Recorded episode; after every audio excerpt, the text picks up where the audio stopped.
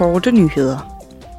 Udvalget om international handel har givet grønt lys til endnu et års suspension af EU's importafgifter på ukrainsk landbrugseksport.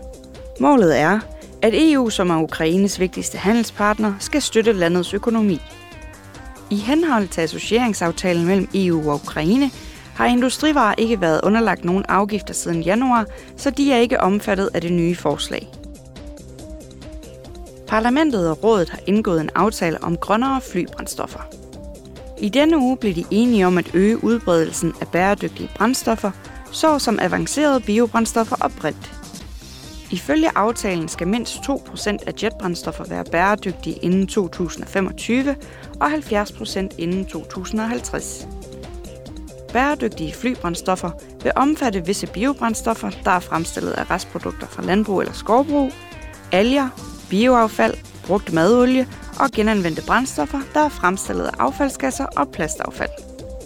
Takket være parlamentet vil foder- og fødevarebaserede brændstoffer og brændstoffer fremstillet af palme- og sojamaterialer ikke blive betragtet som grønne, da de ikke opfylder bæredygtighedskriterierne.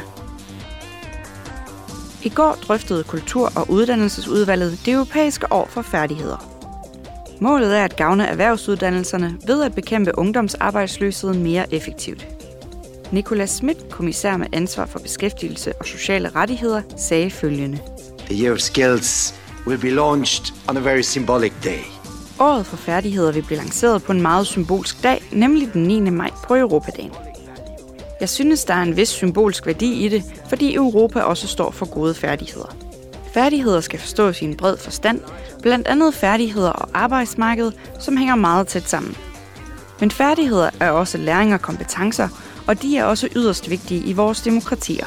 Extremely important in our democracies.